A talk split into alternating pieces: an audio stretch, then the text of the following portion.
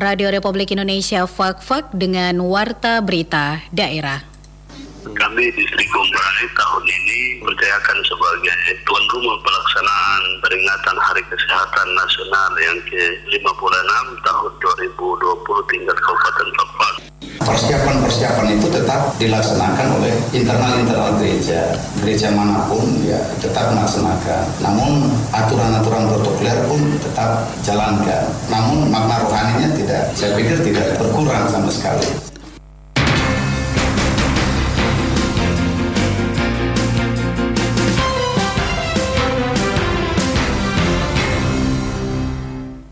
Sari Berita Distrik Bombray Kabupaten Fakfak saat ini melakukan berbagai persiapan untuk memeriahkan dan menyambut Hari Kesehatan Nasional ke-56 tahun 2020. Menyambut perayaan Natal 25 Desember 2020 mendatang, pihak gereja di Fakfak telah melakukan berbagai persiapan untuk perayaan dimaksud. Itulah berita utama pagi ini selengkapnya bersama saya, Apriantini.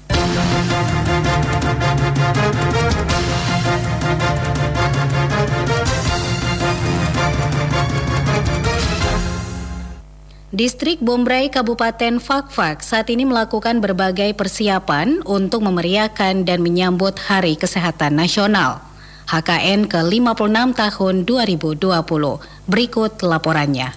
Saudara, tanggal 12 November 2020 merupakan hari bersejarah bagi insan kesehatan di seluruh wilayah Indonesia, termasuk di Kabupaten Fakfak, di mana pada tanggal tersebut merupakan Hari Kesehatan Nasional HKN yang ke-56 tahun 2020. Di Fakfak, peringatan HKN ke-56 tahun 2020 dilakukan secara sederhana mengingat saat ini pandemi COVID-19 masih belum hilang di muka bumi ini. Sementara untuk puncak peringatan HKN ke-56 Kabupaten Fakfak tahun 2020 ini dipusatkan di Distrik Bombray. PLT Kepala Distrik Bombray, Lut Masrul Kamudi mengatakan persiapan-persiapan yang dilakukan untuk memeriahkan sekaligus menyambut HKN ke-56 tingkat Kabupaten Fakfak di Distrik Bombray adalah membersihkan dan kerja bakti di seluruh wilayah lokasi yang akan dilaksanakan puncak peringatan HKN yang ke-56 serta melaksanakan beberapa kegiatan sosial seperti pengobatan massal kepada masyarakat yang ada di tiga distrik di sekitaran Distrik Bombray. Kami Distrik Gombrai tahun ini berdayakan sebagai tuan rumah pelaksanaan peringatan Hari Kesehatan Nasional yang ke-56 tahun 2020 tingkat Kabupaten Tepat. Yang kedua, kaitannya dengan persiapan-persiapan yang sudah kami lakukan di antaranya yang pertama itu kita melakukan pembersihan secara menyeluruh seluruh wilayah kasih pelaksanaan kegiatan di ibu kota distrik untuk serangkaian kegiatan yang akan dilaksanakan untuk menyambut pada tanggal 11 dan 12 adalah adanya kegiatan bakti sosial berupa pembersihan lingkungan-lingkungan secara menyeluruh seluruh ASN kantor distrik dan ASN puskesmas. Yang kedua, kami juga bersiapkan untuk segala bentuk fasilitas dan peralatan dalam rangka pelaksanaan pengobatan massal pada saat tanggal 11 eh, November nanti.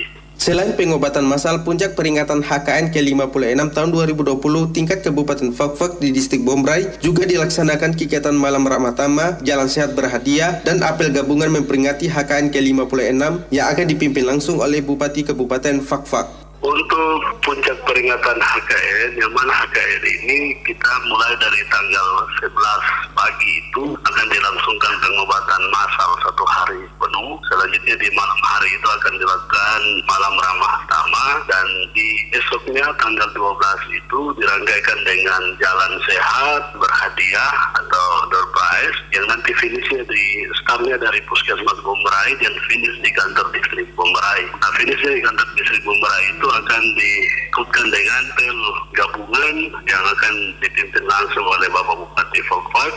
Selanjutnya di situ akan diserahkan berbagai hadiah-hadiah lomba yang mana sudah dilakukan di dinas kesehatan sendiri maupun di wilayah distrik Baik serta akan dilangsungkan juga peresmian beberapa fasilitas umum milik pemerintah yang dibangun oleh dana kampung maupun oleh APBD pemerintah kabupaten. Melalui peringatan Hari Kesehatan Nasional HKN yang ke-56 tahun 2020, ia berharap kepada seluruh masyarakat Kabupaten Fakfak satukan tekad untuk bagaimana menjaga diri dan keluarga dari pandemi COVID-19 yang masih belum hilang di muka bumi ini. Selain itu, ia juga mengajak kepada seluruh masyarakat, terlebih khusus masyarakat yang ada di tiga distrik, yakni distrik Bombray, Tomage, dan Baham Dandara, untuk terus dan selalu memperhatikan protokol kesehatan pencegahan COVID-19 dengan selalu memakai masker, mencuci tangan, dan menjaga jarak. Januardi melaporkan.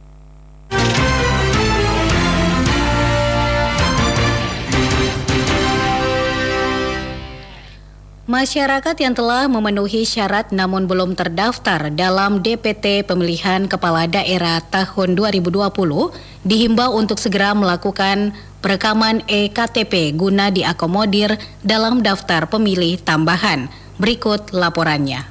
Saudara guna meningkatkan partisipasi pemilih pada pesta demokrasi pemilihan kepala daerah Pilkada 9 Desember 2020 mendatang, maka berbagai langkah telah dilakukan Komisi Pemilihan Umum KPU Kabupaten Fakfak untuk mengakomodir masyarakat yang telah memenuhi syarat guna menentukan hak politiknya. Komisioner KPU Fakfak Divisi Data Abdon Retraubun mengungkapkan terkait partisipasi pemilih, KPU Fakfak terus berkoordinasi dengan Dinas Kependudukan dan Catatan Sipil agar pemilih pemula atau warga yang belum memiliki KTP segera diproses sehingga yang bersangkutan dapat menggunakan hak hak politiknya. Jadi sebetulnya regulasi kita masih memberikan ruang bagi pemilih yang belum terakomodir dalam DPT untuk nantinya menggunakan hak pilih pada tanggal 9 Desember. Mereka ini nanti tanggal 9 akan menggunakan haknya di TPS dengan membawa serta KTP elektronik disampaikan ke KPPS nanti mereka didata menggunakan formulir ATB itu untuk daftar pemilih tambahan. Jadi selain DPT A5 yang pindah memilih ada juga form untuk mengakomodir mereka yang belum terdata dalam DPT kita. Kami juga KPU secara berjenjang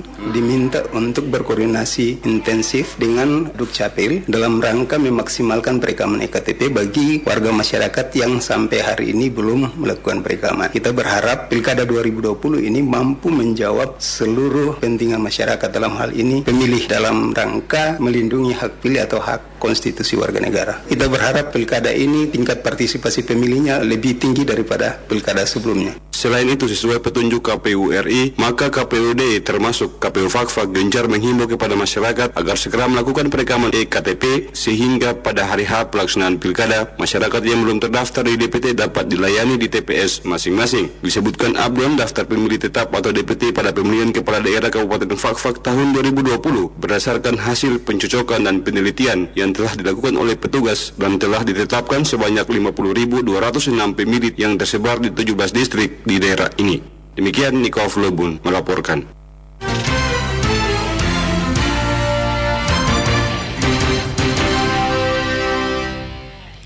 Sebanyak 70 kepala SMP dan bendahara SMP se-Kabupaten Fakfak selama dua hari mengikuti sosialisasi pengelolaan dana bantuan operasional sekolah tingkat SMP se-Kabupaten Fakfak tahun 2020 bertempat di Ballroom Hotel Grand Papua.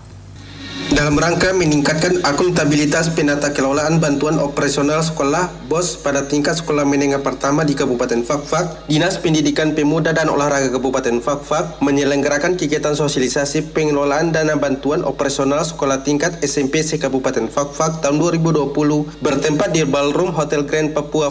Kepala Dinas Pendidikan Pemuda dan Olahraga Kabupaten Fakfak, Hermanto Hobrau, ketika membuka sosialisasi tersebut mengatakan bantuan operasional sekolah atau dana BOS adalah bantuan pendidikan berbentuk dana yang diberikan kepada sekolah untuk kepentingan non-operasional berdasarkan jumlah siswa pada satuan pendidikan tertentu, khususnya pada jenjang pendidikan dasar sebagai implementasi program bagi pelajar dan mekanisme penyaluran serta penggunaannya harus mengacu kepada Permendikbud nomor 8 tahun 2020 Bantuan operasional sekolah atau BOS adalah bantuan pendidikan berbentuk dana yang diberikan kepada sekolah untuk kepentingan non-operasional berdasarkan jumlah siswa pada satuan pendidikan tertentu, khususnya pada jenjang pendidikan dasar sebagai implementasi program wajib belajar dan mekanisme penyaluran serta penggunaannya harus mengacu pada Permendikbud nomor 8 tahun 2020 tentang petunjuk teknis bantuan operasional sekolah reguler khususnya 12 item sebagai indikator penggunaan dana BOS agar tepat guna dan tepat sasaran.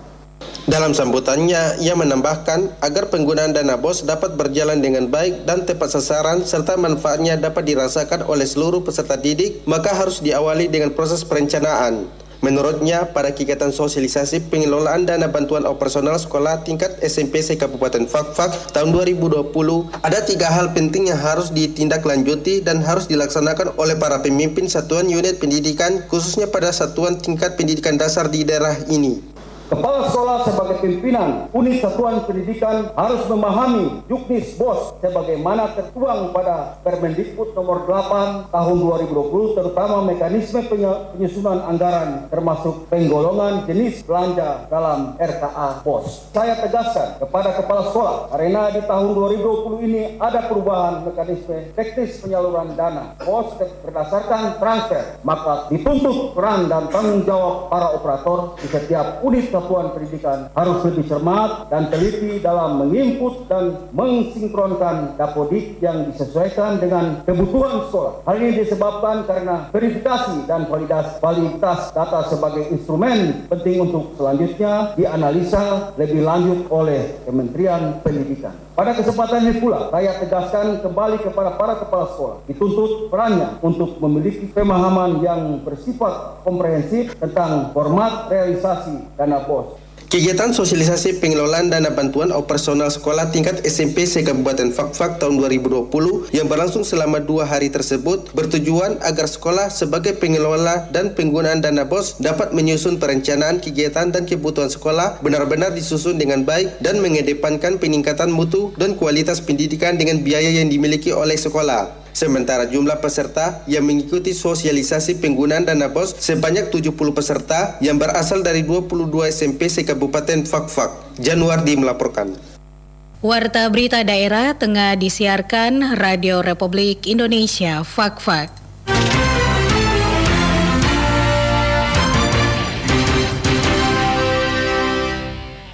Pembentukan kelompok kerja jaminan persalinan tingkat Kabupaten Fakfak tahun 2020 diharapkan dapat meningkatkan akses pelayanan kesehatan bagi ibu hamil, bersalin dan nifas serta bayi baru lahir ke fasilitas pelayanan kesehatan yang kompeten. Kepala Dinas Kesehatan Kabupaten Fakfak Gondo Suprapto mengatakan Sesuai petunjuk SPM bahwa setiap persalinan harus ditolong oleh tenaga kesehatan yang kompeten, baik di fasilitas kesehatan, primer, sekunder, dan tersier, sehingga setiap ibu hamil harus mempunyai akses terhadap pelayanan kesehatan. Menurut Gondo Suprapto di tahun 2019 masih terdapat 115 atau 7,73 persen jumlah ibu bersalin tidak di fasilitas kesehatan sehingga persalinan dirasakan menjadi tidak aman dan dapat menyebabkan kematian ibu dan bayi karena tidak memadai.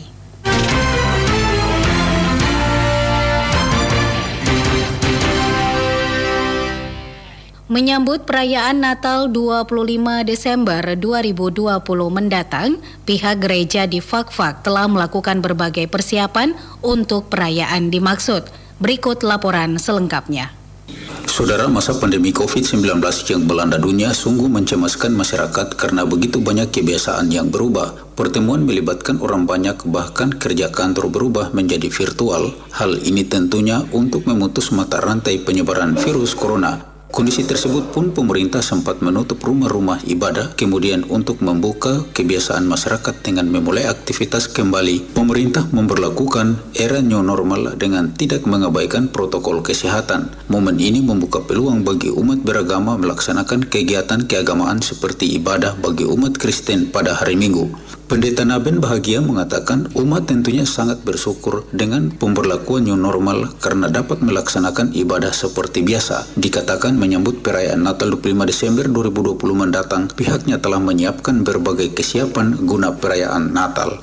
Dalam hal mengantisipasi pandemi COVID ini, memang uh, makna dari perayaan Natal ini tidak tidak berkurang. Artinya jika tahun-tahun sebelumnya kegiatan itu agak lebih banyak seperti pawai, Santa Claus, kemudian kalau dari pihak gereja, internal-internal gereja yang melaksanakan Natal itu undangannya dalam jumlah banyak. Namun sekarang ini tetap Natal tetap berjalan. Dengan adanya aturan-aturan protokol kesehatan ini, ya mungkin hanya kapasitas kehadiran daripada umat itu yang dibatasi. Yang jelasnya persiapan-persiapan itu tetap dilaksanakan oleh internal-internal gereja. Gereja mana pun ya tetap melaksanakan. Namun aturan-aturan protokoler pun tetap jalankan. Namun makna rohaninya tidak, saya pikir tidak berkurang sama sekali. Diungkapkan gereja perlu bersungguh-sungguh merefleksikan situasi pandemi ini dalam terang iman. Inilah saat berahmat bagi gereja, saat untuk membaharui dan merefleksikan kehadirannya di tengah dunia. Dengan melaksanakan ibadah di era new normal saat ini, terdapat ketentuan yang harus dipatuhi umat seperti penerapan pembatasan jarak dengan memberikan tanda khusus pada lantai atau kursi minimal 1 meter, serta mempersingkat waktu pelaksanaan ibadah tanpa mengurangi kesempurnaan ibadah. Demikian Lemarumu melaporkan. Sekian Warta Berita Daerah Produksi Radio Republik Indonesia, Fak-Fak.